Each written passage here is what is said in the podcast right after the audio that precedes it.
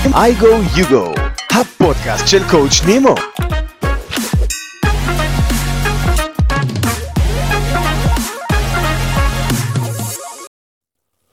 שלום לכל המאזינים, שלום לך עמרי פלד, שלום לך נמרוד קבלה. עמרי פדידה פלד הראשון, יש לומר. כן. ברוך הבא לפודקאסט שלי, אני שמח שהסכמת אה, להתארח. לא הייתה לי ברירה. לא, אני יודע שאני הצמדתי לך אקדח לראש, אבל תודה בכל זאת.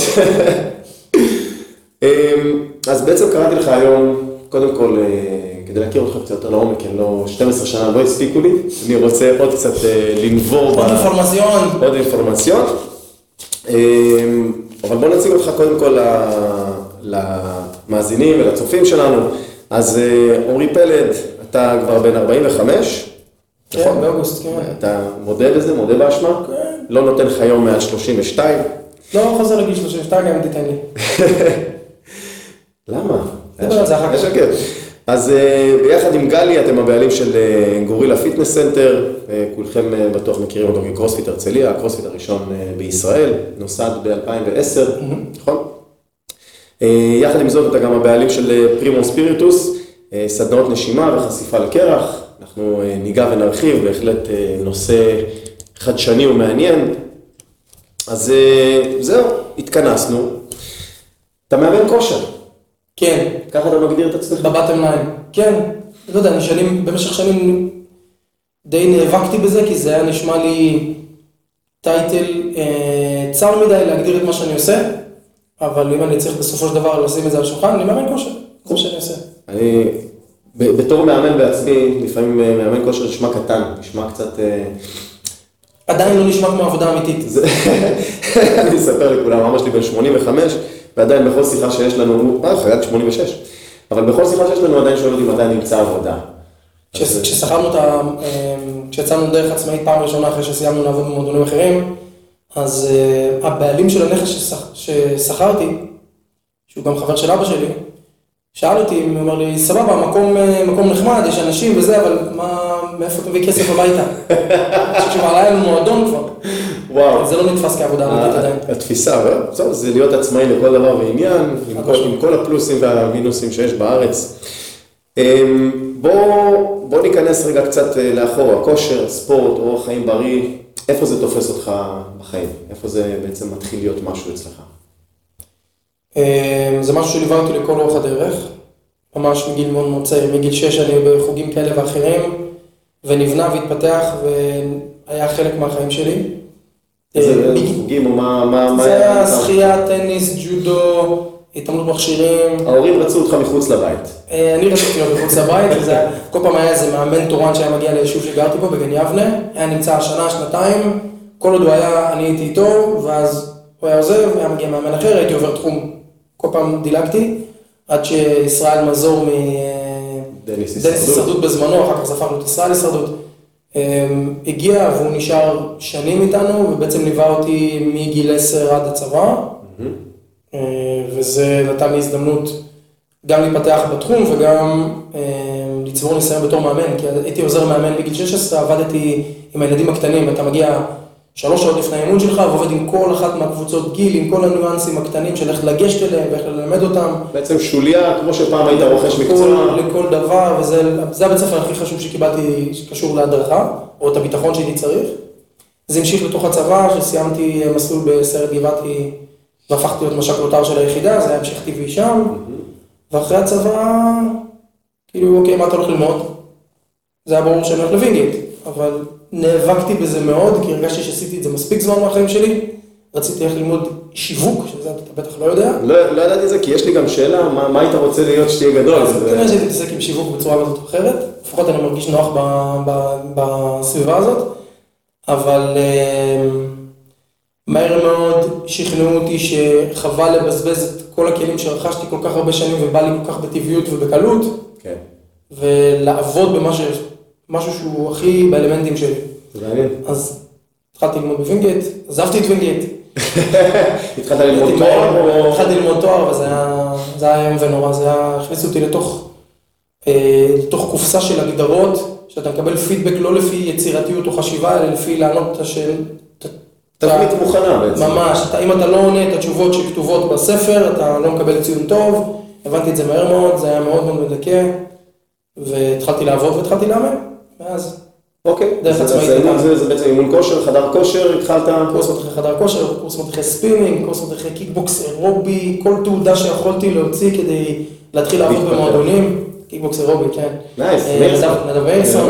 הייתי מתאמן אצל נדב, אה, ג'ורג' אה, עשה לי בזמנו, אה, מה הוא עשה לך? מאמן קיקבוקס מצוין, אה, ונתפסתי על ספינינג בזמנו, ומשם המשכתי לפתוח מועדון משלי, ומשם זה התגלגל ל- אז לקורס ספינינג- אנחנו מדברים על אזור גן יבנה. ספינינג זה היה רחובות גן יבנה, עם גיחות לתל אביב מדי פעם, אז עשיתי את זה. סטודיו משלך?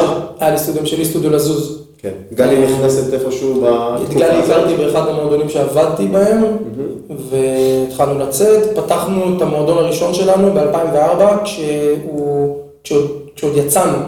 זאת אומרת, עוד היינו זוג, לא היינו נשואים, לא ילדים ולא שום דבר. הוא עבד מ-2004 עד 2009, וואו. זה עסק מצליח, חמש שנים. הוא עבד אה, מצוין, עבד מצוין, פשוט אני מיציתי מקצועית את הסביבה הזאת אחרי שמונה שנים, חיפשתי משהו מעניין לעשות ומצאתי באינטרנט את קרוספיט ומשם זה התגלגל לפתיחה של המועדון הראשון. כן, אנחנו, אנחנו נגיע לנקודה של קרוספיט, איפה, מתי ואיך. אמ, קצת, אה, קצת לפני, כ, כמאמן, כמאמן ותיק, למה לדעתך היום, ואני מדבר על היום, על, ה, על, ה, על השנות האלפיים, או קצת לפני אפילו, למה אנחנו צריכים או חייבים לזוז? למה יש איזשהו דחף לאנשים לבוא ולעשות את זה, או מאיפה זה נולד, ו, ולמה ומה זה עוזר בעצם? אני חושב שככל שאנחנו מתקדמים טכנולוגית אנחנו מתרחקים מדברים שהיו מובנים מאליהם לחלוטין שצריך לעשות, וזה מתחיל להשפיע, זה מתחיל להשפיע פיזיולוגית, זה מתחיל להשפיע פסיכולוגית, אה, אנחנו יכולים לראות את זה בהתפתחות של אה, הפרעות חרדה אצל אה, ילדים, אנחנו יכולים לראות את ההזדקנות של הגוף של חבר'ה שהם בני 35-45 שכבר לא מתפקדים מרביצה וישיבה מול מסך כל היום, ואני חושב שלרפואה המערבית הקונבנציונלית נגמרו התשובות, הם מטפלים בזה רק אחרי שאתה כבר מגיע למצב הזה. הסימפטומטי כבר, כלומר בדיוק. כבר... אה, אני חושב שאנשים מסתובבים אחורה כמו בהרבה דברים בחיים כדי לראות אוקיי, אם זה... מה עשו פעם, איך זה עבד פעם. והגוף שלנו לא, לא עבר מספיק זמן אבולוציונית כדי שנעבור איזשהו שינוי שאנחנו לא נצטרך את הדברים האלה. שאנחנו לא נצטרך את האדרנלין והאנדרופינים כדי להרגיש טוב, כדי להיראות טוב, כדי לזוז טוב. אנחנו צריכים, אנחנו צריכים את הטריגר הזה, ואנשים מבינים את זה. אנחנו עדיין בעצם אין אה, שילוב של מכונה ישנה עם מכונה חדשה, או עם מוח חדש. מכונה ישנה עם מוח חדש. אנחנו לא עברנו עדיין את האדפטציה, אנחנו רוצים לחשוב שעברנו, אבל יש לזה מחיר מאוד מאוד כבד. וכל עוד יש לזה מחיר, זה אומר שאנחנו עדיין בתהליך של הסתגלות.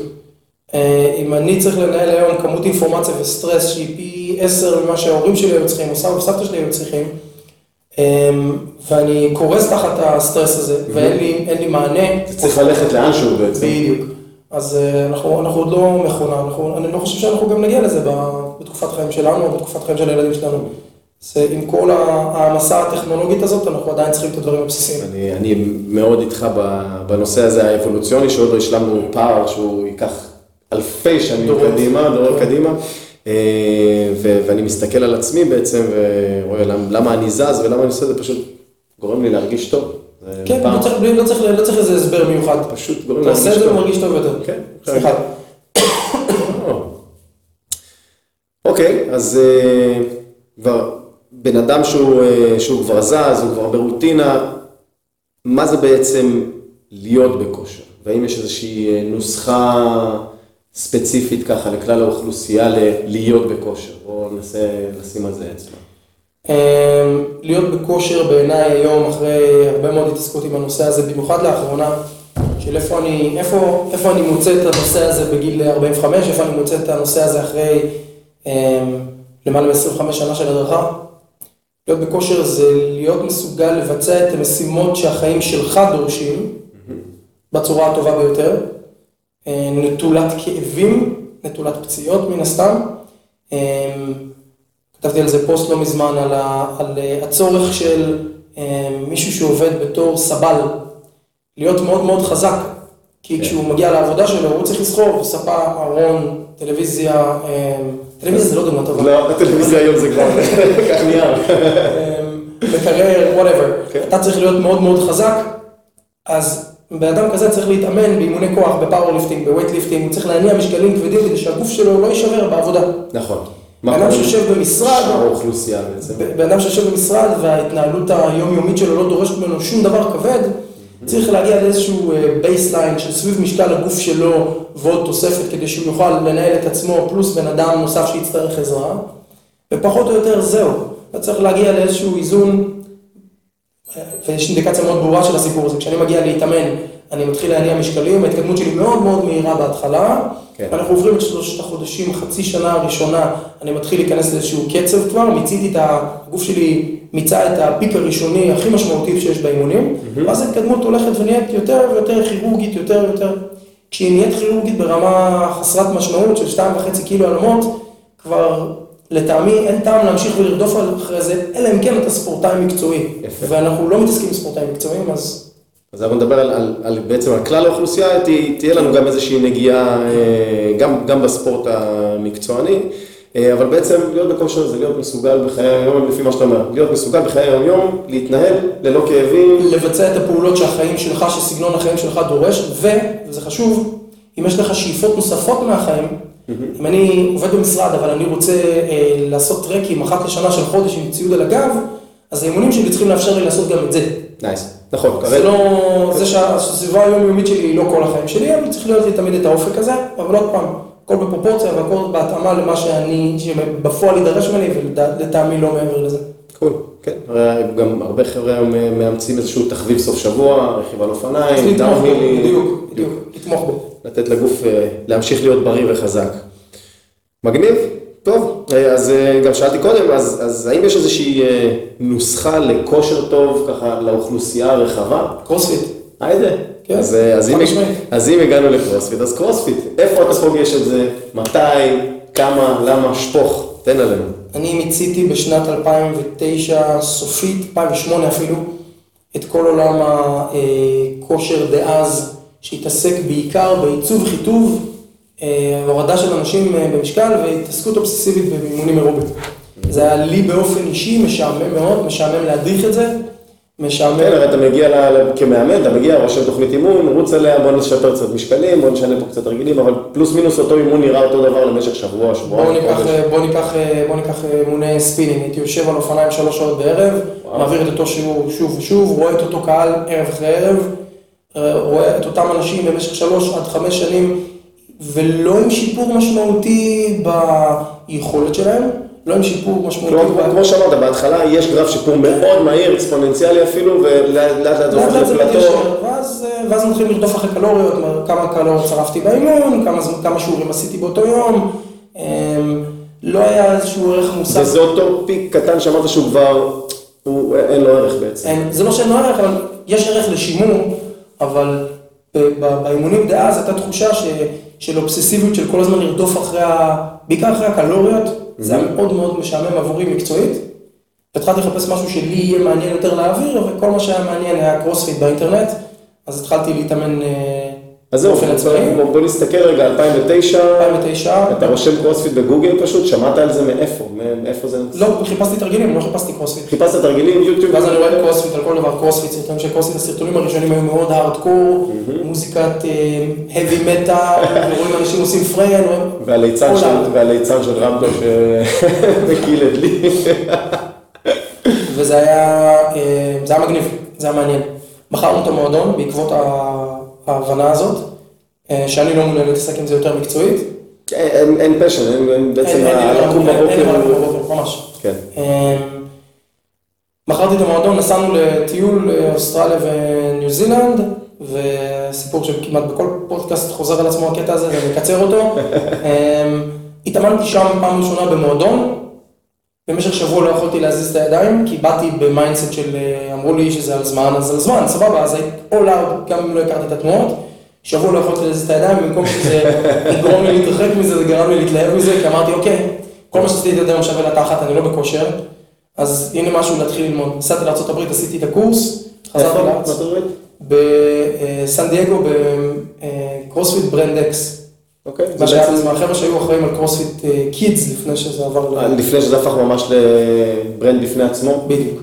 אז אה, עשיתי את הקורס שם, חזרתי לארץ והתחלתי לחפש כמעט מיד אה, לפתוח מועדון. אז אה, אתה מגיע לארץ, יש איזשהו גרעין מאוד קטן של אנשים שעוד שמעו על כן. זה והתאמנו על זה כן. באינטרנט. איאן דירנפלד, צביקה פרידמן, אלון קורטק, דאל שלו. אה, עוד כמה חבר'ה שאני מצטער שאני לא זוכר את השם שלהם כרגע, אבל זה היה... ישראל שם היה בהתחלה? לא, ישראל הצטרף אלינו, אבל היה פול של אנשים שככה התחיל גם כן ככה אה, לחפש ברשת, וברגע ששמעו שיש עוד אנשים אז התחלנו להתקבץ. אה, נפגשנו כמה חבר'ה בבר בהרצליה לדבר, לראות מה אפשר לעשות, איזה אורים אפשר לייצר. ואני אמרתי שאני, הדבר שאני יודע לעשות הכי טוב זה ליצור קהילה, ואני נראה לי הכי טבעי לפתוח מועדון. והייתי בשל לזה בזמנו, וידעתי איך עושים את זה, אז זה הראשון שפתח, זה כזה פשוט, השאר פשוט עוד לא היו, עוד לא היו שם. לא היו מבושלים פשוט על עדיין לא, למרות שמאוחר מדי, צביקה, אה, מאוחר יותר, צביקה פתח, אם אני לא טועה, גם אם אין תקופה. אבל התחילה להיבנות לאט לאט, אה, התחילה להיבנות לאט לאט קהילה מה- מהדבר הזה. והמועדון הראשון מגיע והוא במטווח? קרוספיט הרצליה במטווח, עם ציור של איש רץ, נכון, יש לי עדיין. יש לי עדיין חולצה אה, לבנה עם הדפס כן, אדום, כן, כן. שמורה ב- בניילון. אה, ליום שתהיה שווה משהו, אולי נמכור את זה כ-NFT, אני לא יודע. אה, בפוד- בפודקאסט על NFT נדבר על האיש הרע. לא, כמה- שפחות להישען על מה, אנחנו עוברים על זה עכשיו ככה, אבל כמה שפחות להישען על מה שהיה. עובדים חמש שנים במטווח, אה, צומחים מחדר של בערך 20 מטרים, לרשות להיכנס מדי פעם לחדר אה, קרב מגע שהיה צמוד, ולאט לאט שעות קבועות בחדר קרב מגע הזה, ואז שברו את הקיר והרחיבו לנו, ואז יכולנו להיכנס לשני חדרים, ואז הוסיפו לנו מכולה, ואז- ו- ולאט לאט השתלטנו שם על אה, והגומי בחוץ. 200 מטר אולם ועוד חצי דונם אה, של. חצר, שהצלחנו לעקם אפילו את הבלטות ברצפה. ממש. ועשינו עשינו שם שנים מאוד מאוד יפות, כל ההתחלה של קרוספיט הייתה שם, כל הראשוניות, אה, חלוציות. יש, יש אה, משהו מאוד יפה ורומנטי ב- זה היה אדיר. במציאות.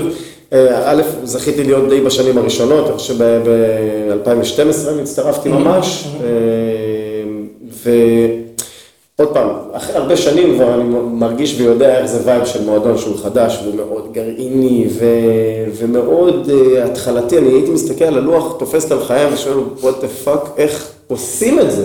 מי, מי יכול clean, jerk, 60 קילו, זה היה מטורף. כן, 60 קילו היה של המתחרים. וואו, כאילו, ו- ואני רזה כזה, באתי בכלל הרבה יותר מריצה. אה, אבל כמו שאמרת, יצרת איזושהי קהילה, איזשהו קומיוניטי מאוד מאוד מחויב ברמה של אה, רצון. היה איזה רצון להשתייך לדבר הזה, הראשוני, המגניב. כן, הוא היה שונה מאוד מהנוף דאז.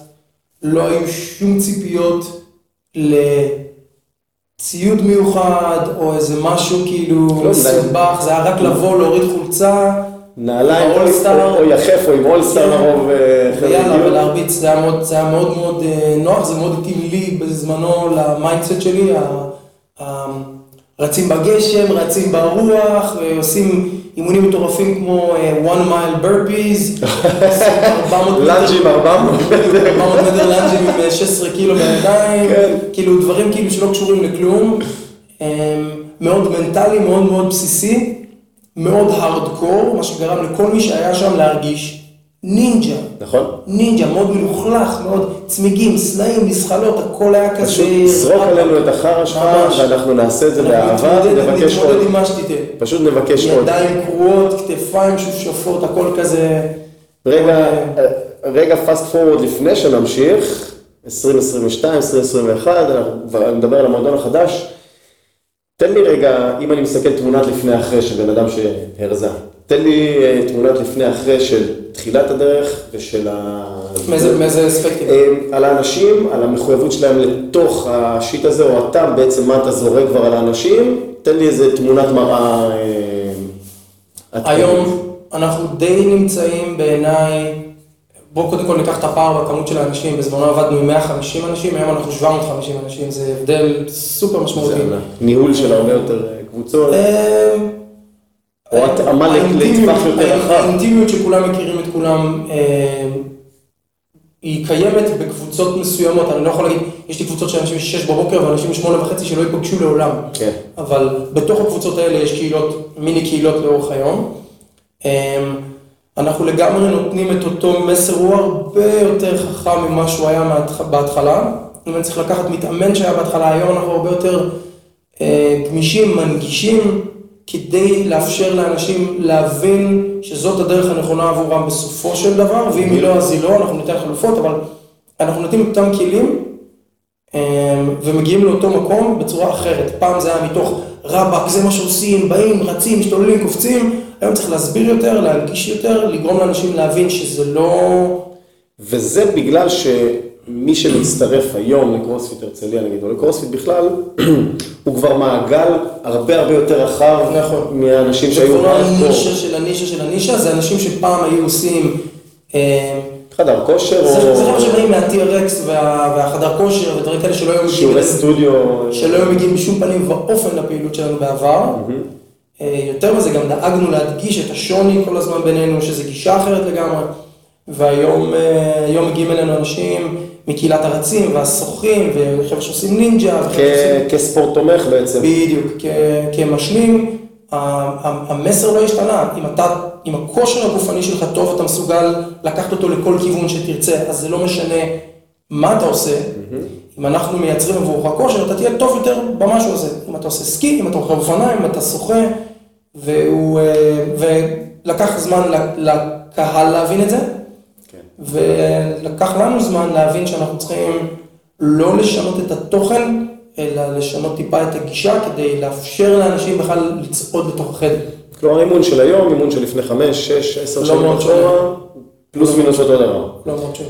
שזה בעצם, עוד פעם, אני, אני, אני לא יודע להגיד, כן, וואלה, זה קרוספיט, קרוספיט לא השתנה במהלך השנים, אבל קרוספיט השתנה מאוד במהלך השנים, ונקודתית הוא השתנה כשנכנסו תחרויות מאוד מאוד גדולות, אני חושב, כשנכנסו עוד כלים ועוד אביזרים שלדעתי הם מעניינים לפעמים על המסך, אבל מיותרים אה, לחיי היום-יום. אני חושב שאני לפני כמה שנים כתבתי איפשהו, אני לא זוכר איפה, אה, או שזה היה באחד הפודקאסטים, שאני מהמר שתהיה הפרדה בעתיד מלאה בין התחום התחרותי לתחום... אה, fitness נקרא לזה, או תחום... כאילו fitness wellness, אם אתה רוצה לקרוא לזה ככה אפילו. אמ, לא רק הפרדה, אני, אני חושב שצריך להיות אתר נפרד, אני חושב שצריך להיות לשם ממש תכנים נפרדים לגמרי. כמו לצורך העניין שמתאמן אולימפי הוא מתאמן אולימפי אה, בריצה, ויש גם סתם בן אדם שרץ. שרץ. אז זה על הכיף. הם לא צריכים את אותה כמות של, אה, הם לא צריכים את אותה כמות של תוספים, הם לא צריכים את אותה כמות של אביזרים, הם לא צריכים להיעזר, ריצה זה לא כל כך דוגמה טובה, אבל אם אנחנו לוקחים את זה חזרה לקרוספיט, יש תרגילים שהסיבה הרמת היא... משקולות. אז לא, אה, אמ, כלומר, המתאמן האולימפי ברמת משקולות, והמתאמן שלנו ברמת משקולות, המתאמן ה... רציתי דווקא על קרוספיט לדבר על העניין אוקיי. שלה, יש, יש רשימה מאוד מאוד ברורה של תרגילים שאתה חייב לדעת אם אתה רוצה להתחרות, היא רק הולכת וגדלה הרשימה כן. הזאת, אבל בגדול אמ, אתה צריך להיות טוב בתרגילים של, שהם נטו חשובים לתחרות. זאת אומרת, אם, אם אתה בא אליי היום ואתה רוצה להתאמן ואתה רוצה להיראות, להרגיש ולזוז טוב יותר, אין שום סיבה שבעולם שתעשה butterfly pull-ups, handstand push-ups, פיסטולים. סנאצ'ים.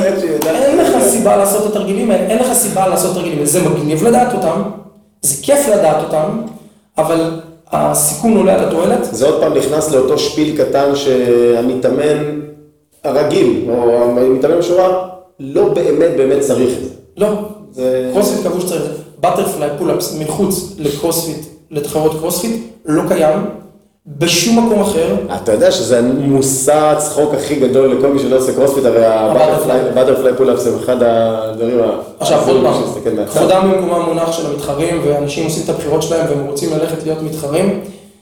אמ, אם הם עושים את זה באמת בצורה יסודית ונותנים את כל המערך, ולא סתם לוקחים איזו תוכנית של איזשהו מאמן, עפים על עצמם חודשיים, נפצעים ויוצאים. מישהו שאומר, וואלה, זיהו אצלי פוטנציאל, אני רוצה להיות מתחרה, הנה מה שנדרש, זה הדברים שצריך להשתלט עליהם, זה כמות השינה שאני צריך לישון, האוכל. זה התוספים, זה הטיפולים, זה הדברים שצריך לעשות. מי שלוקח את זה ברצינות, לך על זה בכל הכוח. אני לא אוהב את הביניים, הביניים הוא הבעיה העיקרית בקהילה שלנו. שוב, אני לא, לא מתעסק עם הקהל יותר, עם הקהל הזה יותר, אז פחות רלוונטי. כלומר, האלמנט התחרותי, או האלמנט, ה... קראנו לזה RX Club, קראנו לזה כל מיני שמות כאלה של... לקיצון, היום, out of the agenda, זה כבר ירד מ... לא רלוונטי. היום אנחנו, תוכנית האימון נכתבת עבור, כמו מאז ומעולם, חוץ מזה יציאה קטנה וניסיון שלנו לשנות את זה, אה, program for the best and scale for the rest, אבל התנועות הן תנועות שכולם יכולים לעשות. מדברים על תנועות הבסיס, פלוס... תנועות אה, בסיס פלוס מסל אפ דאבל אנדר זה טיפוס בחבל, זה הדברים הקיצוניים שאנחנו עושים. אבל גם, גם לתנועות האלה, אין, אין מצב שנגיד רק השפיץ ידע לעשות מסל אפ. אם אני מלמד, אם בחרתי שתנועה תהיה חלק מהמועדון, כל המועדון צריך לדעת לעשות את התנועה הזאת, ואני אכניס את התנועה הזאת לאימונים, לסקילס, לתרגול של יותר מתח, יותר chest bar, לתרגל רק את ה kip, לתרגל רק transition מהארגז, אני לא יודע, אבל כל המועדון יחווה את זה, ויתן אפשרות לכולם להיות טובים בזה, כן. בתדירות מספיק גבוהה כדי שהם ירוויחו מזה, ולא כל הזמן להאדיר את העשרה אנשים במועדון שהם אה, כאילו, כאילו יותר בכושר, בפועל הם לא יותר בכושר, הם פשוט משקיעים יותר זמן. nice, אוקיי. אמ, בואו נדבר קודם, אה, תיארת איזושהי אה, אבולוציה של כושר בכלל, דיברנו על זה, מה אתה עשית, אה, מה אתה עושה היום ומה כל האמצע, ודיברנו גם עוד פעם על מה היה בעבר, בעבר הייתי צריך לרוץ ולצוד כדי, כדי להשיג אוכל, היום אני עושה את זה רק כדי לשמור על שפיות ו- וקצת להיראות טוב.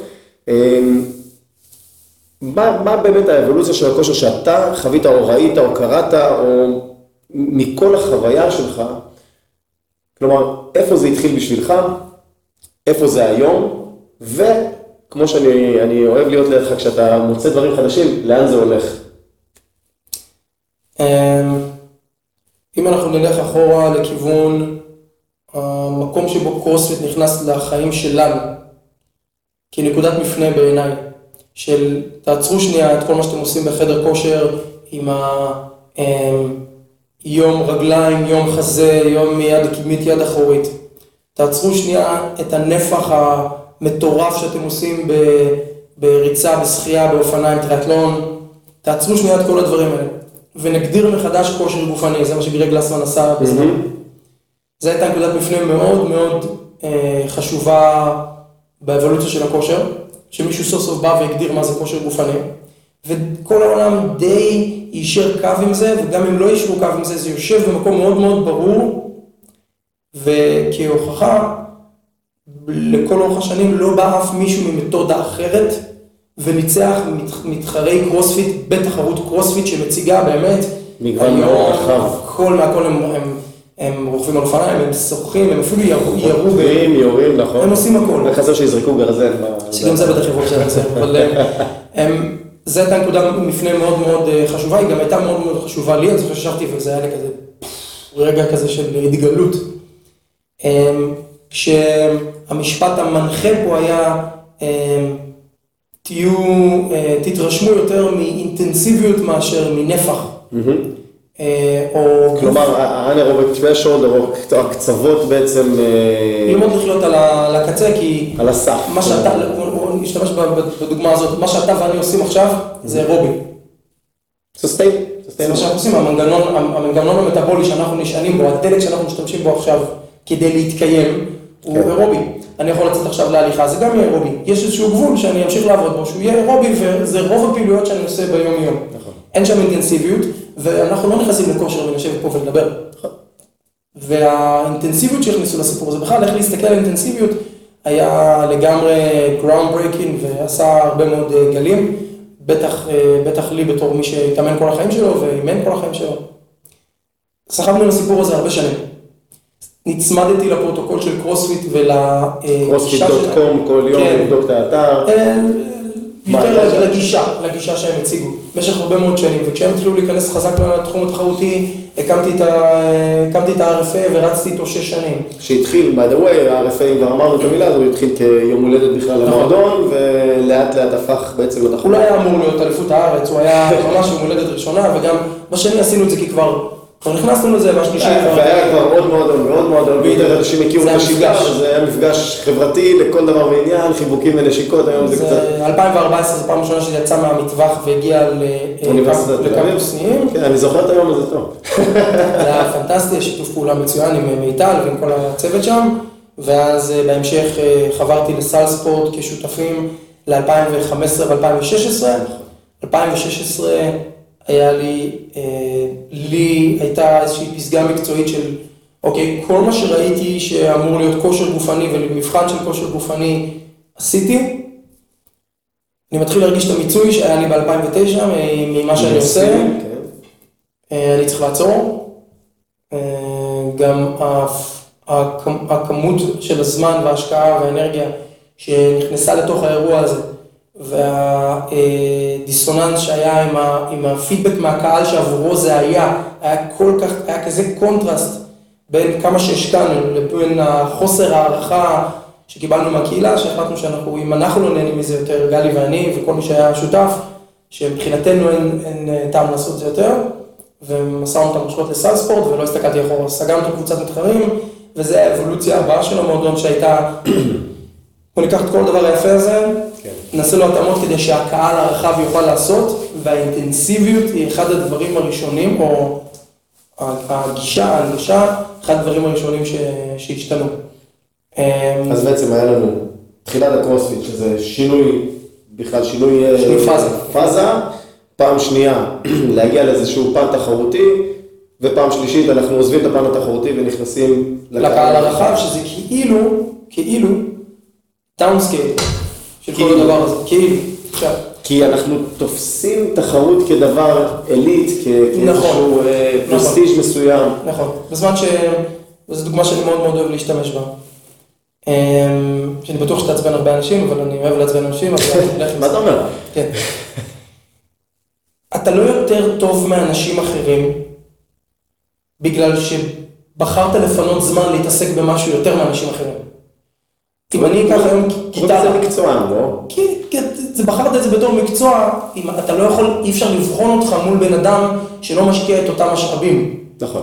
אם אתה ואני לומדים לנגן בכינור, מה שלא יקרה כנראה אף פעם. חלום. גיטרה אולי, כינור קצת פחות. בחרנו לנגן בכינור. לי יש זמן, משאבים. אמ, אין לי בת זוג, אין לי ילדים, אין לי, אני, סטודנט, יש לי הרבה יותר זמן ממה שאני חושב שיש לי. כן. ואתה במקום אחר, אתה, אתה נשוי עם ילדים, יש לך עבודה, אתה יכול לנגן שעה ביום, אני יכול לנגן חמש שעות ביום. אנחנו לא יכולים לנגן, לא יכולים, תחרות. אין, אין תחרות פה. אתה לא, אתה לא יותר טוב ממני בתור בן אדם, קודם כל, מה שהרבה מאוד אנשים מתבלבלים במהלך הדרך. זה... אתה יותר טוב ממני בלעניין משקולות. אתה צריך לבחון את עצמך מול אנשים אחרים שמרימים את את משקולות, את אותו זמן שאתה מרים משקולות, כדי שאפשר בכלל לעשות פה איזושהי תחרות. וההפרדה הזאת, היא, היא, היא הייתה חייבת לקרות. אני חושב שעשית פה הבחנה טאואיסטית כבר בקטע של... אה, זה, זה מצד אחד מאוד ברור, מצד שני זה לא ברור כי... אה, אה, אם אתה ואני נמצאים באותו חדר, באימון, אני מתאמן ארבע שעות ביום, ואתה, סליחה, ארבע שעות ביום, ואתה מתאמן ארבע שעות בשבוע, ואנחנו מגיעים לאותו חדר, ואנחנו כותבים את התוצאות על הלוח, אין, בשביל מה? כן. בשביל מה? לך זה להרים לך לאגו, שאתה נורא חזק וגיבור, אבל בתכלס זה לא, זה לא פייר, זה בהגדרה של לא פייר המילואים. ברגע שזה out there, ברגע שזה באמת על הלוח, זה וואלה, זה, זה לא... ולי, זה לא פייר כי אני, אם אני לא מתאמן את השעות שאתה מתאמן, אם אני מתאמן ארבע שעות בשבוע, אני נכנס ללופ של תסכול שלא יהיה לו מענה אף פעם. אז אני מאמין שלא כל אחד גם, גם כותב את זה ולוקח את זה בצורה הזאת, כי אני בהתחלה הייתי רושם את השם שלי, ב... הייתי רושם אותו, אבל היה למטה. אבל הייתה לי מטרה, לעלות עוד אחד למעלה ולעלות עוד אחד למעלה ולעלות, עד. שוב. זה, זה עוד פעם, אבל אני, אז אני, אז אני, אז אני נמצא. פה היום, אז אני נמצא פה היום להגיד לכל מי שעושה קרוספיט או דברים דומים, שאם אתם מתאמנים ארבע שעות בשבוע, אתם תמשיכו לרדוף לנצח אחרי משהו שלא יגיע לעולם. הכושר הגופני שלכם חד משמעית ישתפר, אבל אתם לא תגיעו לרמה של החבר'ה שמתאמנים במסגרת תחרותית, ואני לא סתם עושה מירכאות כפולות, אתם לא תגיעו לחבר'ה שמתאמנים בתוכנית מיוחדת ארבע שעות ביום, כי אתם לא נותנים את אותה כמות של עבודה, ולא נותנים את המעטפת שנדרשת בשביל לראות כושר כזה, זה כזה פשוט. תמשיכו לרדוף אם בא לכם, אבל התסכול ימשיך ללוות אתכם לכל אורך הדרך. אז, אז אה, בוא, אם כבר פנית אל, האנשים, אז בוא, בוא ניתן את הטיפ הזה, והטיפ הזה הוא שלי, שזה כל יום לנצח את עצמך מחדש בעצם. התחרות, או לא. או לא, או, או להשתפר, או להישאר, או להשיג איזושהי מטרה, אבל בוא, אני... בוא, בוא נרכב על הגל הזה של, ה, של האבולוציה עד, עד הסוף. יאללה. נמצה את, הנקודה הזאת. יש איזושהי הבנה בעולם היום אחרי 15-20 שנה של קרוספיט וגרסאות של קרוספיט. ש... אמ, הספורט המקום, הפונקציונלי. המ- המקום הבלתי מעורער של האימונים האינטנסיביים כשליטים המוחלטים של עולם הכושר, חד משמעית מעורער היום. חד משמעית מעורער היום. על ידי? על ידי, אה, יש, יש איזושהי הבנה שהאינטנסיביות הזאת היא, אינטנסיביות היא חשובה, כן. מרדף אחרי אינטנסיביות וכל הזמן השלב הבא, PRים, personal bests, כל הדברים האלה, לא יכול להימשך לנצח, ויש לו מחיר. בדיוק. וכשאנחנו מדברים על, בדרך כלל התובנות האלה נופל, נופלות לך כשאתה אה, מגיע לגיל שבו הגוף מתחיל להתנגד קצת חזרה, אתה אומר, איפה הייתי כל השנים האלה, שרק כל היום... או זה או פציעה. גם אם אתה לא פצוע, להסתובב כל היום עם כאבים, להסתובב עם כאבי כתפיים, להסתובב עם כאבי גב, זה לא, החיים שלנו לא אמורים להיראות ככה. כן, נכון, נכון, נכון. והיום- אני חושב, האימונים האלה האינטנסיביים גילו לי עוד כל מיני עולמות אחרים של אה, טיפולים ו... משלימים. בדיוק. בדיוק. כדי, אה, וואלה, לתחזק את הדבר הזה. אבל איפשהו אני גם יחסית די קרוב לגיל שלך ודי... די- אתה ילד. ילד, אתה אני ילד. 41, 45, אבל כן, כן איפשהו אה, סובבתי טיפה את החוגה למטה כדי... אמ- אמ- דיברנו כל הז- כל הזמן. יש הרבה, משפטים, אה, go heavy or go home, כן. better than yesterday, Adapt or die. un- unbreakable, בסדר, adapt or die, לגמרי, לגמרי, לגמרי, לגמרי. אז היום הרעיון הוא יותר, אה, אני, המטרה היא אותה מטרה. אה, עשרת מרכיבי הכושר הגופני, כן. מול אה, מגוון של פעולות בכל קומבינציה אפשרית, כל, כל הכללים הבסיסיים של קרוספיט, שקרוספיט נתנו לעולם, נשמרים. אבל, וזה אבל מאוד מאוד רציני, לא, אה, מפסיקים להוציא דברים שהם לא scalable. עד היום לא עשינו שום תנועות בתוך האימונים שאי אפשר למדוד אותם ולכמת אותם כדי לראות התקדמות. נכון. אז נמנענו לדוגמה מכל מה שקשור, לא יודע אם זה בגלל זה, אבל נמנענו מפעולות לדוגמה שקשורות רוטציות. לרוטציות, שכמעט ולא קיימות בקרוספיט. אם אין לך רוטציה, נמנעת ממך האפשרות לעשות כמעט כל פעילות אתלטית מחוץ למועדון. אפילו ריצה היא פעולה של אלכסון, של רוטציה. כל זריקה של חפץ היא פעולה של רוטציה. כל פעולה שאני צריך להרים משהו שהוא לא במהלך קווי, אז אולי זה בעצם איזשהו נדבך ש... שפוספס. פוספס. והוא חתיכת נדבך. הוא נדבך, ובגלל שהוא לא scalable או... אז הוצאנו אותו. אוקיי. אז עכשיו הוא חד, משמעית מופיע באימונים. אמ, אנחנו, אמ, אם אתה בא לאימון היום, אחד הדברים שהכי חשוב להעביר, קודם כל אין ה Rx. אין לנו דבר כזה ה Rx. לא רשום כבר משקל על ה... בקרוספיט הרצליה היה Rx. נכון. בגורילה פיטנס סנטר אין Rx. בגורילה פיטנס סנטר יש את ההבנה שיש טיפוסי גוף שונים, שיש משקלי גוף שונים, שיש יכולות שונות. צריך לתת משקל שהוא, אה, המשקל שהוא, שהוא כיוון לאימון, אנשים אומרים כמה לעשות באימון. זה לא משקל שאתה חייב לנסות להתמודד איתו. אוקיי. אם אני שוקל 100 קילו של שריר, לא ייתכן שידרש ממני להרים את אותו משקל, כמו מישהו ששוקל 60 קילו. זה לא ייתכן, עוד פעם, זה לא תחרות. האם אתה מוסר את השרביט, הרי בסופו של דבר אני מאמן, אני מגיע לאמן, יש לי 20... מוסר את השרביט 15, לאנשים. אני מוסר את השרביט לאנשים. כן. האם האנשים ידעו להוציא את התוצאה הטובה ביותר שלהם מהיום הזה? אתה, התפקיד שלך בתור מאמן היום הוא לא לתת להם את האימון והדרישות שלו, אלא לתת להם כיוון של מה האימון, לתת להם כיוון של מה האימון דורש, ולתת להם את הכלים לבחור את הגרסה של, את המשקל, את הגרסה של התרגיל, את מה שהם מסוגלים לעשות היום נקודתית, בלי קשר ליכולת שלהם בשוטף. כן. היום אנחנו צריכים משקל בינוני. מה זה משקל בינוני? משקל שאתה מסוגל להניע ל... חמש, עשר חזרות. חמש עד עשר חזרות ברצף. אני לא יודע מה המשקל הזה. אחלה, יש לך שבע דקות להחליט. על המשקל. אוקיי. בוא נחליט, אני לא יכול להגיד לך מה המשקל. זה גם אה. לא התפקיד שלי. עכשיו, אה, בתוך כל זה, האם אתה כן עדיין נותן לאנשים, אתם עדיין נותנים לאנשים כן לגעת במקסימום שלהם? RM, RM1, RM5? RM אחד לא ייכתב על הלוח. אה, יש לנו, אנחנו משחקים עם קצוות, אבל הרבה יותר רחבים. אה, המשקל הכי כבד שאנשים מרימים או ירימו במועדון הוא RM3 לצורך העניין. אבל אנחנו מצד שני גם מותחים אותם לכיוון ה-10 חזרות, 15 חזרות, שזה הרבה יותר... גם נפח אה, סבולת נפח שריר וגם... אה, כי בסופו של דבר לא היה, לא היה גשר מוגדר שיחבר בין האימוני כוח, הימים הכבדים, כן. לבין ה-heavy metcons. כשב-heavy metcon אתה פוגש דיין, 21, 15, 9, דדליפט עם 100 קילו לגברים, 70 לנשים, והנסטם פושאפס. ואתה עד היום עבדת רק על, שלוש, על 1, 3 ו-5, ופתאום אתה צריך להניע אין לך את 100, הנפח. 100 קילו ל-21 חזרות, ל-45 חזרות באימון, כן, לא היה, לא, היה, לא היה גורם מקשר. אוקיי. אז אנחנו בתוכנית האימון שלנו נותנים לך גם לגעת במשקלים הכבדים, וחד משמעית נוגעים בנפח כדי שתלמד לנשום במשקל הזה, שתלמד להניע אותו בתת מחזיק בדיוק, הגוף. שתלמד איפה אתה עוצר, איפה אתה נח במהלך התנועה, שתלמד לשלב מיקס גריפ במשקלים הכבדים, אבל לדעת לעבור לאחיזה רגילה ולעבוד על הגריפ שלך גם ב... זה, בעצם, כבר ה-wisdom שמגיע עם הזמן. עם הזמן, אבל, הוא חייב, הוא חייב להגיע. חייבת להיות אבולוציה. אנחנו לא יכולים להמשיך ולהתעסק רק עם משקלים, PRים, תוצאות, לשבור שיאים קודמים, בלי לחשוב, אוקיי, הבנתי את העניין של האינטנסיביות, איך אני הופך את האימונים שלי לא רק ליותר קשים, אלא גם ליותר חכמים, כדי שהקהל שבא אליי יקבל את מה שהוא בא עבורו, לא מה שאני חושב שאני צריך לתת לו.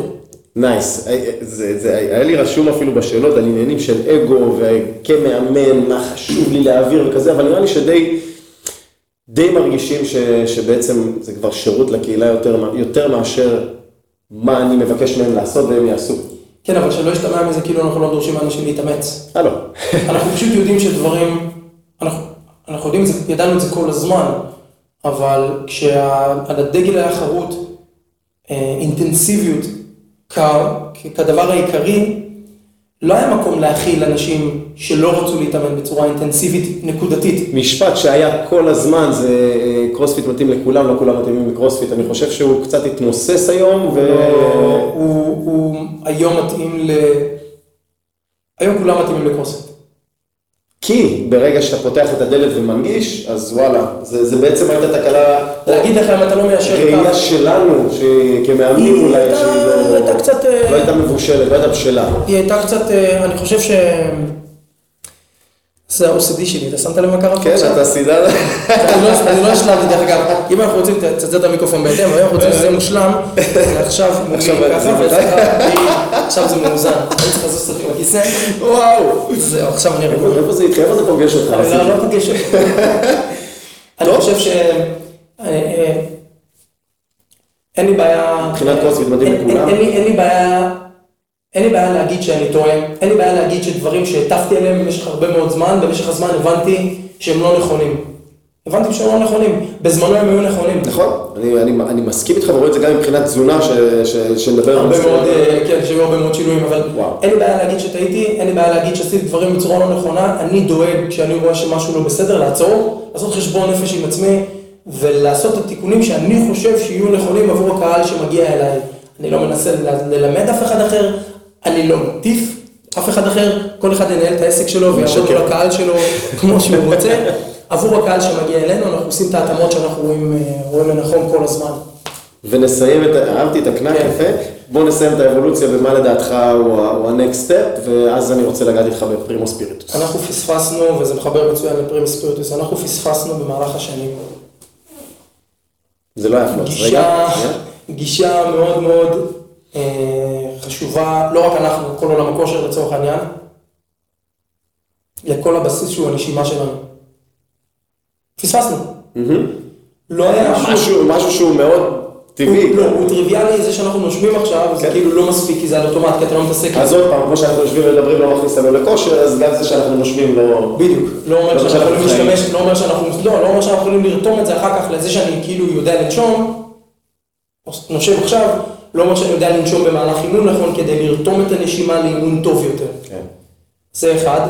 ושתיים, עוד דבר, זה נושא שהוא לשמחתי המאוד מאוד רבה, אה, נכנס בצורה מאוד אינטנסיבית לכל המועדונים, לכל המועדונים הפונקציונליים, זה כל הנושא של הטווחי תנועה כבסיס נוסף. אה, יש כאלה שהכניסו את זה בתור mobility, אחרים הכניסו את זה בתור יוגה, אחרים הכניסו את זה בתור פילאטיס, whatever, אימוני גמישות קלאסיים. איזשהו אימון משלים, תומך. היום, היום, היום צריכה להיות הבנה מאוד מאוד פשוטה לכל מי שנכנס בדלת לאיזושהי פעילות גופנית. אתה צריך ללמוד לנשום. זה שאתה נושם לא אומר שאתה יודע לנשום. אתה צריך ללמוד לנשום. וכדי שתצליח להביא את עצמך לידי ביטוי, נשימה פונקציונלית, בוא נגיד. נשימה פונקציונלית לגמרי, או performance breathing. אתה צריך לדעת לנשום לטובת אה, מאמץ יעיל יותר, אה, או תפקוד יעיל יותר תחת מאמץ. אתה צריך לדעת להתאושש בעזרת נשימה. כן. אה, מיד אחרי אימון ובזמן החופשי שלך, אתה צריך לדעת להוריד סטרס, כדי שהגוף שלך יתאושש טוב יותר מאימונים, או בכלל לנהל את עצמך נכון. כשאתה אומר סטרס, אתה מתכוון לסטרס בכלל בחיי היום-יום? סטרס בחיי היום אם זה בא מאימון מאומץ, זה בא מעבודה, זה בא מפקק תנועה, אנחנו נדבר על זה אחר כך בהקשר של פרימוס ספיריטוס. והעניין של הטווחי תנועה, שאנשים רעים, רצים, אנשים רעים, אנשים, אנשים רצים מהר מדי לאינטנסיביות שאנחנו הכתבנו, כן. כ- כהגביע הקדוש. ומפספסים שוב, אבל זה- זה אופי אנושי, בוא רגע נעשה. אקספשנל, שזה אבל- יש לנו אחריות. זה לא רע, בסדר? זה זה אופי אנושי. נכון, אבל יש לנו אחריות בתור מי ש... זה לא חוכמה להגיד במשך שנים, אני אקח אותך לכושר הטוב בחייך, כן. ולדחוף כל הזמן רק לפרסונל בסט. בזמן שבדרך הוזנחו הרבה מאוד דברים שהיה זמן ומקום לשלב אותם, שעכשיו משולבים בשוטף, כן. כמו טווחי תנועה, אם אתה לא מסוגל להיכנס לפוזיציה בצורה אופטימלית, אסור לך להעמיס משקל על התנועה הזאת. יא, נכון, טווחי תנועה, תנועה קודמים למשקל זה איזשהו... אה, זה מובן לנו מאליו, אבל הקהל כאילו אין סבלנות, ואנחנו זרמנו עם החוסר סבלנות הזאת, עד שהיה צריך לעצור זה ולהגיד... פשוט מדהים איך, איך נקודה שאנחנו מדברים עליה בבית היום של הפרעות קשב, שזה בעצם אה, לכאן ועכשיו ותוצאה מיידית, אה, אה, הוא מלווה הכל היום. הכל, זה אבל- בעצם אנחנו סובבים סביב זה, עכשיו, אנחנו, אנחנו, אתה מחשיב את עצמך בעל מקצוע, נכון? ואנשים משלמים לך הרבה כסף על הזמן שאתה משקיע בהם. כשהם רוצים לראות תוצאות מהר, ואתה כבר רואה את התוצאה הסופית, התפקיד שלך זה להגיד להם, שומעים, אתם משלמים כסף על, ה- על הידע שאני צברתי, הידע שלי אומר שאתם תרוצו מאוד מאוד מהר, אבל זה יעצור בשלב מסוים, וזה יעצור רגע, ואתם תחזרו אחורה. חזרה אחורה ומינוס, מינוס. פצועים עם כאבים, חבר שלי פעם כתב על הקיר של המועדון שלו, slow is fast. נכון, slow is slow is smooth, smooth is fast. כן, זה חוזר מענק, זה חוזר לטקס של. אבל כן, להשקיע בטווח הארוך, להשקיע ב baby steps, כל התקדמות היא התקדמות, זה לא סתם משפט, כל התקדמות, יכול להיות שאני עכשיו במשך חודשיים אעבוד עם אותם משקלים, כי זה מה שהגוף שלי נותן לי. כי יש לי לחץ בעבודה, כי אני לא ישן בלילות, כי וואלה, לא יודע, הגעתי לאיזשהו פיק ואני לא יכול לדחוף, אז אני אעבור, ואני אעשה את הכי טוב שלי באותו יום, גם אם זה פחות טוב מלפני שבוע, כן. גם, גם אם זה פחות טוב מאתמול, אבל- better than yesterday אגב, בוא נגיד אבל- keep on going, או... כן, הרווח הכי גדול של המתאמנים שלנו הם להמשיך להגיע לאורך שנים, שזה יהפוך להיות לי יש 4-5 פעמים בשבוע שאני מתאמן, ית- יתהפך העולם, אני בא ועושה משהו, גם אם זה לא הכי טוב שלי, אני אמשיך ואעבוד. יהיו תקופות שאני אתקדם, יהיו תקופות שאני אלך אחורה, אבל אני בתנועה. רק להמשיך. לזוז. אוקיי, אמ, עמרי, אז אה, לאחרונה הייתי אצלך בכמה סדנאות שכללו אה, גם תרגול נשימתי, דיברנו עכשיו הרבה על נשימה, תרגול נשימתי, כל מיני סגנונות וסוגים, אה, ואחר כך גם טבענו במים קפואים וקרים. חוויה, למה עשיתי את זה לעזאזל?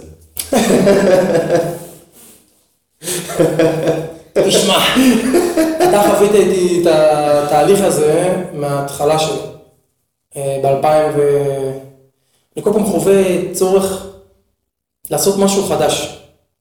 כשאני מרגיש שאני טוחן מים אה, לעצמי, כשלי באופן אישי מתחיל לשעמם, אני מרגיש כאילו משעמם לכל מי שנמצא סביבי. כאילו התוכן אתה שלי- משליך את זה כן, החוצה. אני מרגיש, "די, לאנשים כבר משעמם לשמוע אותי. ומתחיל אותי חוסר שקט. אני מחפש איזה משהו שאני, שאני באופן אישי אתחבר אליו, כי הדרך, הדרך היחידה שאני יודע לעשות דברים, זה לא מחובר אליו. אני לא מסוגל להעביר משהו שאני לא מאה אחוז איתו. כן. ווים הוף, סדנאות... אה, עוד פעם, גוגל, כן, אני... כן, כן, ווים הוף. שיחקתי קצת עם הפרוטוקולים, לא, אני שיחקתי בעיקר, לא התעסקתי עם הנשימות כמעט בכלל. בהתחלה. לא הבנתי ב-2018, 2017, 2017.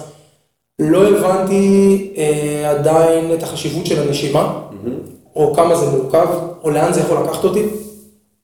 אה, הנשימה היחידה שאני ידעתי מאימונים עד אותו יום היה, זה ריצה. זה הדבר היחידי שציינו לי, אי פעם מישהו דיבר איתי על נשימה. פעמיים פנימה, פעמיים החוצה, וזהו. לקחת מהאף, להוציא מהפה. כן, שנות ה-70 כזה. כן. אמ, זה מה, שידעתי על נשימה, אבל התחברתי מאוד לקטע הקיצוני יותר של ה... אה, קור דווקא.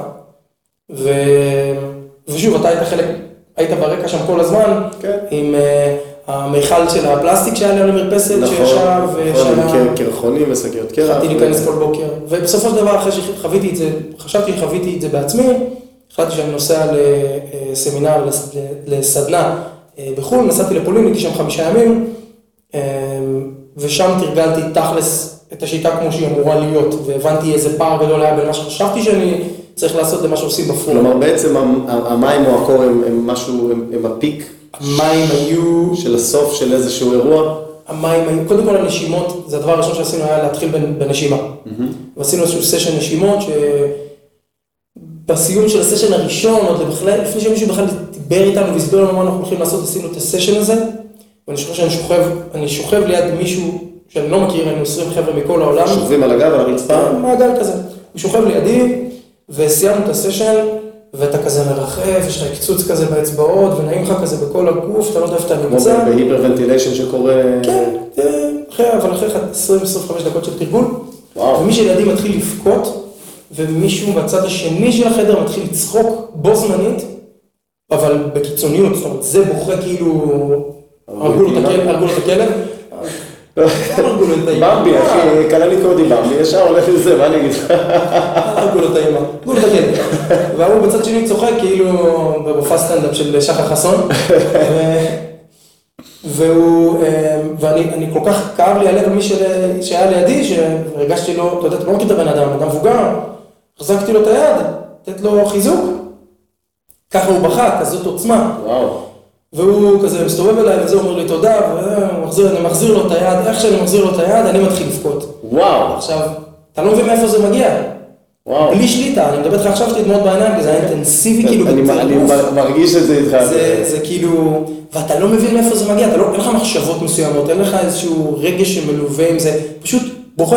עכשיו, זה סטרס שעוזב את הגוף שלך. שפשוט משתחרר. אתה בילדה, בילדה, בילדה, בילדה, ואתה לא מודע לזה שהוא בכלל קיים אצלך ברמות כאלה, ואז הכל נפתח. עכשיו במשך חמישה ימים, כמעט כל תרגול כזה הסתיים בבכי של מישהו, או של כולם, או של... מאוד אינטנסיבי. תוסיף לשלב הזה של הנשימות גם את המים שהיו בפער מטורף ממה שאני הכרתי. אני ישבתי במרפסת בטמפרטורה של בחוץ 20 בחורף, פלוס. עזוב, בחורף 10 מעלות, כמו שאנחנו עכשיו, 10 מעלות, והמים בטמפרטורה של 15 מעלות. אתה מגיע לפולין, מבקר את הבני דודים, בפולין היה קר. מינוס 15, והמים במעלה. אתה שובר קרח ונכנס פנימה, והפער הוא מטורף בתחושה, באינטנסיביות. גם ב- גם אם חשבת שהכנת את עצמך לקראת משהו, לא זה- הבנת עצמך לכלום. זה לא זה. כלום, זה לא קשור בשום צורה הביתה. השקט שחזרתי, הייתי חמישה ימים, אתה מסתובב עם אנשים מכל העולם, מדבר, הכי פתוח, אתה... יש יש משהו בלהיות מנותק לגמרי מהסביבה ולא עם מישהו שאתה מכיר. כן, למרות שהיה שם בחור ישראלי אחד שהתאמן התאמן פה, כן. שנסענו, שהיה לנו חיבור מאוד מאוד טוב שם, אני שמח מאוד שהוא הגיע, יוני, יוני מינדל, כן. ו... אבל החוויה היא חוויה כזאת שאנשים פותחים איתך דברים שאתה לא פותח עם אנשים ביום יום, אנחנו כן. ביום יום מאוד... אה, כמו ס- קצת ללכת לפסיכולוג, לזרוק עליו את כל השיט שאני לא מספר לחברים שלי. אני אגיד לך יותר מזה, הייתה הבנה מאוד מאוד חשובה שם, שאנחנו, כשאנחנו מדברים, אנחנו מחכים לתור שלנו להגיד את מה שיש לנו להגיד, ולא מקשיבים באמת למה שמישהו יושב ולנו רוצה לספר, אתה לא- ושם זה לא קרה. מדהים, אתה לוקח אותי ל-2006, אני עושה את זה שוב, אני לוקח את התור שלי, אבל 2006, אה, באחד הסמינרים שעשיתי, זה היה אה, הקשבה. שב, שתוק, תקשיב, תבין מאיפה הבן אדם מדבר, וזה בעצם היה הפעם הראשונה שהתחלתי להיכנס לתוך נפש של בן אדם. אז כן. שם, שם זה היה באופן אוטומטי. כי אנשים פתחו ברמות, יצרנו מעגל ספונטני כזה, אנחנו קצת חורגים מה שרצינו לדבר עליו, אני אסיים עם זה. יצא מעגל ספונטני של למה אתה פה? למה, למה הגעת לעונש הזה? כן. כי זה לא, תוך כדי החוויה, חוויה אינטנסיבית, היא לא כיף. הבן לבן זה כיף, אבל החוויה עצמה היא אינטנסיבית. כן, כן, זה חתיכת אימון. ואנשים פותחים איתך. מישהו שהיום הוא די-ג'יי גדול בבריטניה, שגדל בבית ששני ההורים מסוממים וסוחרי סמים בבית. וואו.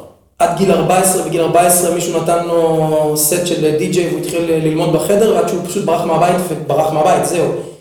וכל אחד בא לך מזווית אחרת, ואתה מקשיב, ואתה שומע סיפורים של אנשים, שאתה... אתה אומר בואנה, אני בסדר. לא, לא יודע, אחד, אתה יודע, כל אחד והסיפור שלו, אבל אתה נפתח ואתה אומר, השבוע הזה הכניס לי את החיים מאוד מאוד לפרופורציה.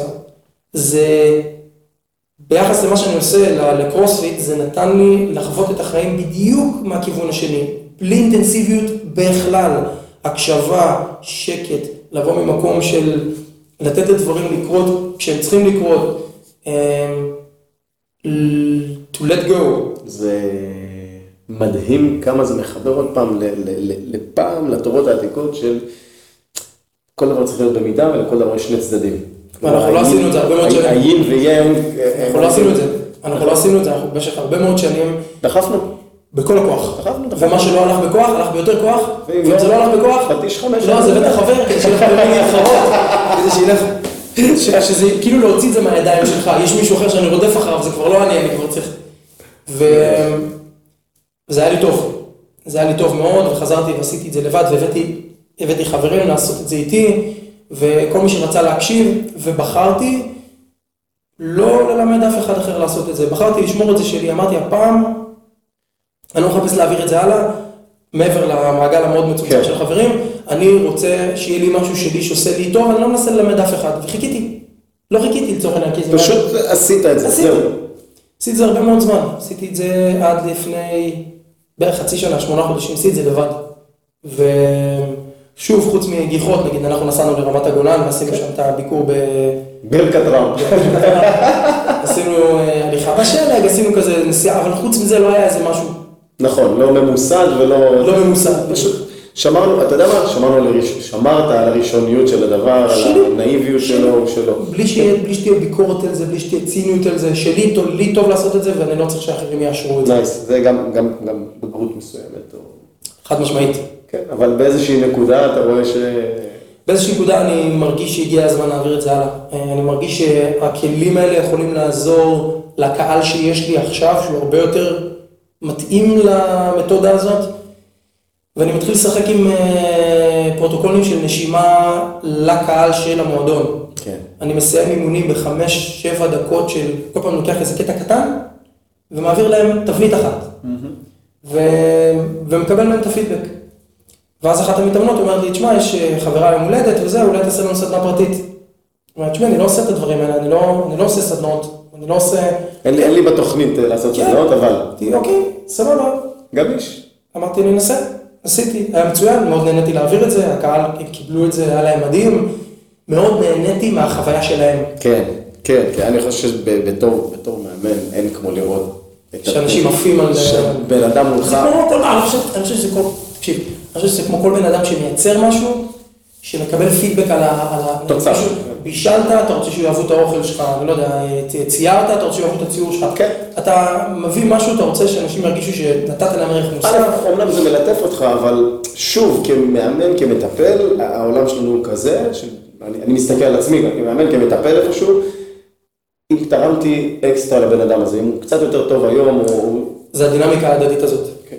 זה הדינמיקה. אתה, אתה לא יכול, אני, אני לא יכול, אני חושב, אני לא מעבר לליטוף האגו שלי זה לא עניין של שהצלחתי, אגו, זה בדיוק העניין. זה לא עניין של אגו, זה עניין של, אתה, אתה לא יכול להסתכל על החיים האלה בלי לחשוב what's in it for me, וזה לא דבר רע. וזה בסדר זה גמור. בסדר. כן. אני, מה שאני מרוויח מ... אה, מה שאני מרוויח, מה שאתה מרוויח מלשפץ בתים של אה, אנשים שצריכים שישפצו להם את הבית, נכון. זה שעושה לך טוב על הנשמה, זה- שיכולת לעזור. הטוב הזה על הנשמה הוא לא מבוטל בכלל, זה לא צריך להיות כסף, זה לא צריך להיות... לך טוב על הנשמה. הקש אאוט של זה, אני פשוט שמח יותר, אני שמח יותר, אני עושה טוב יותר לסביבה, חד טוב, משמעית, חד משמעית.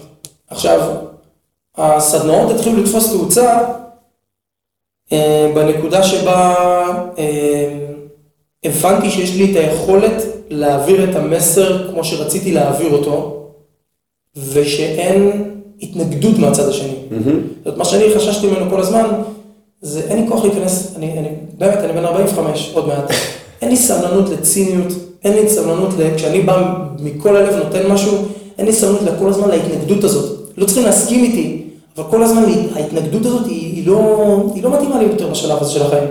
אני יודע שיש לי משהו לתת, אני נותן אותו רק כשאני בטוח שאני יודע לתת את זה אתה נותן בצורה המקצועית ביותר. השלמה ביותר, ובאמת בקטע טוב. עכשיו, יכול להיות שהתהליך שלך מ-2017-2018 עד היום זה אחורה. בעצם להבין שמה שאתה עושה, אתה עושה אותו טוב, שאתה מגיש אה, מוצר הוא מוגמר. היה שלי, הוא לא היה ברמה של הדרכה, כן. היה צריך ללמוד המון, היה צריך לנסות פרוטוקולים, היה צריך לקרוא מלא, מלא, מלא, מלא, כדי לדעת שאם אני אומר עכשיו משהו, אני יכול לגבות אותו. כן. שאני יודע מה אני עושה, שאני יודע איך לנהל את הקהל. מה, מה יכול לקרות בזווית. כזאת? אני יכול לתת, אני יכול לתת פתרון כמו באימונים. scaling לכל בן אדם שנמצא בחדר, לפי החוסר נוחות שלו, הנוחות שלו, מי שרוצה לעשות את זה יותר זמן, פחות זמן, איך להתנהל.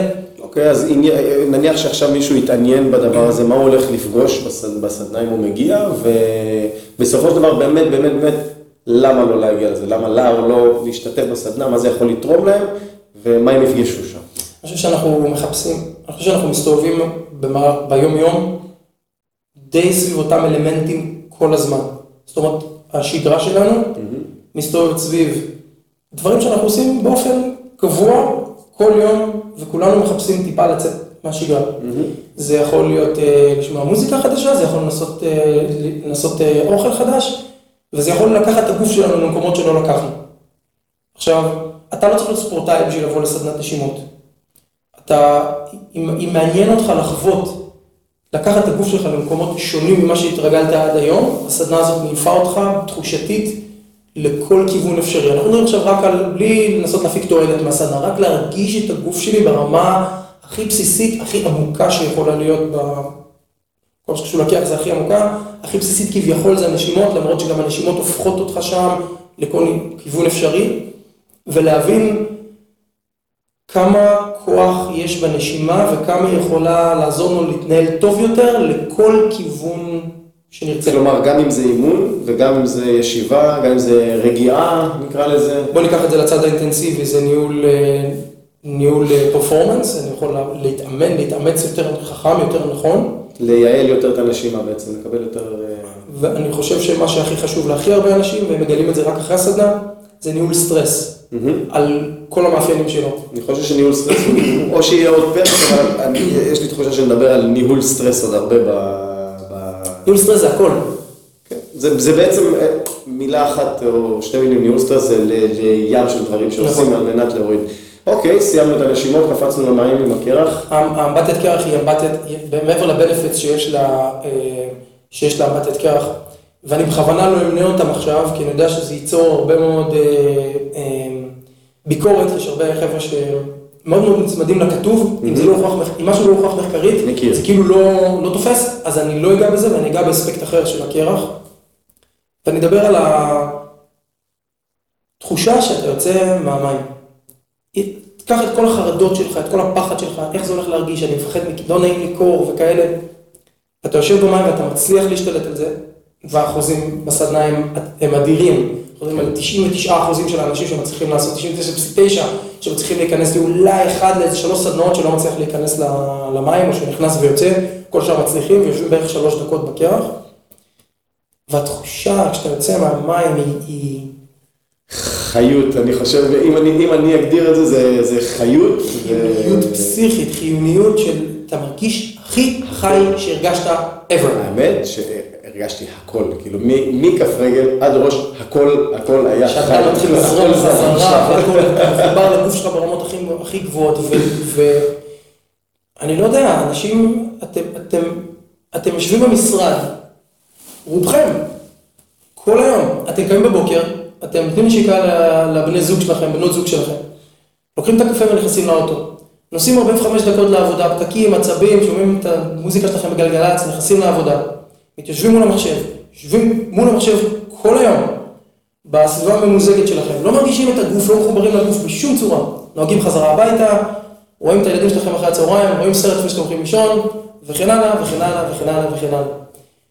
והפער בין מה שאתם עושים, לבין מה שאתם תרגישו פתאום, כשאתם תבצעו את הנשימות ואת הקרח, גם אם לא היה לו שום יתרונות רפואיים, הוא הכל, הוא להרגיש חי, מה שלא, כמעט שום דבר אחר בחיים שלנו לא נותן לנו להרגיש בעוצמה כן, הזאת. שהוא, שהוא, שהוא לא חיצוני, שזה לא סם נגיד, שזה... שהוא getting high on your own supply. זה ממש גדול. זו תחושה, תחושה מטורפת. אני. אני, אני לא מסוגל לוותר עליה, אני רק הולך ומעמיק יותר ויותר. חלק מהכלים, שוב, אני שומר לעצמי בשלב הזה, עד שאני ארגיש בשל להעביר אותם הלאה. חלק אני מכניס מיד לסדנות. נסעתי לקורס צלילה חופשית של ארבעה ימים באילת. כן, חזרת משם עם נשימות, אה, פרוטוקול נשימה שעשינו. חזרתי משם עם, אה, שוב, זה פרוטוקולים שתרגלתי, אבל קיבלתי שם חידוד שהיה חשוב, של איך ליישם את זה ואיך שתהיה איזושהי אה, התקדמות, שוב, ולא לדרוך במקום ואיך להפיק את המקסימום מהתועלת, וכמעט מיד הכנסתי את זה לתוך הסדנה, כי, כי היה לזה את המקום של זה. והיום אתה בא לסדנה, אז אתה מתרגל החזקות נשימה מאוד ממושכות, אתה מתרגל ערכים גבוהים של CO2, ערכים נמוכים של CO2, תבניות נשימה שונות. הנשימה, אנשים באים בשביל לקח כי זה סקסי ומגניב, נכון. ומצטלם טוב, וחוזרים כשהראש שלהם עף בעיקר מהתחושות שהנשימה נתנה להם. אז בעצם אנחנו נוגעים בעוד איזשהו נדבך שהיה איתנו כל החיים, נשימה מהשנייה הראשונה שבכינו את, אה, כשיצאנו מהבטן. שלא רתמנו אותו עד היום ויכולנו לרתום אותו, שהוא מצטרף שוב, אנחנו חוזרים לקרוספיט ולאימונים שלנו, הוא מצטרף כמוצר, זה מצחיק, זה כאילו, זה כאילו המוצר המשלים, אבל הוא המוצר. אבל לא הבסיס של הבסיס, כאילו בלעדיו אין, אין מה לדבר בכלל. גדול. וואו, עמרי, אה, עברנו שעה. וואלה. אה, כן, כן, עברנו שעה, אה, כיוונתי ל-45 דקות, אבל מה לעשות, אתה מזיין את השכל. אנחנו חותכים את ההפסקת פיפי. בדוק, נכון. הפסקת פיפי, זהו. יש לנו, כן, זה שעה 08, אז גם את. אה, אני ממש מודה לך שהתארחת בפודקאסט שלי. תודה רבה שהזמנת. תודה רבה שהיית. אה, אז אה, אם מעניין לכם אה, לשמוע עוד, אתם מוזמנים ליצור קשר עם עמרי, אתם יכולים להקיש בגוגל, או אה, Gorilla Fitness, או Primo Spiritus, או מספיק עמרי פלד, ובטוח אה, גם אני אשים לינקים פה, למטה, למטה, למטה, למטה, פה אני אשים לינק, כאן, פה אני אשים לינק. אה, אז אני מודה, אה, אם אה, נשארתם עד עכשיו והקשבתם, אז אני מודה גם לכם, אה, צופים ומאזינים, צופות ומאזינות. עמרי, ניפגש באימון, לא? שוכרן חביבי. יס!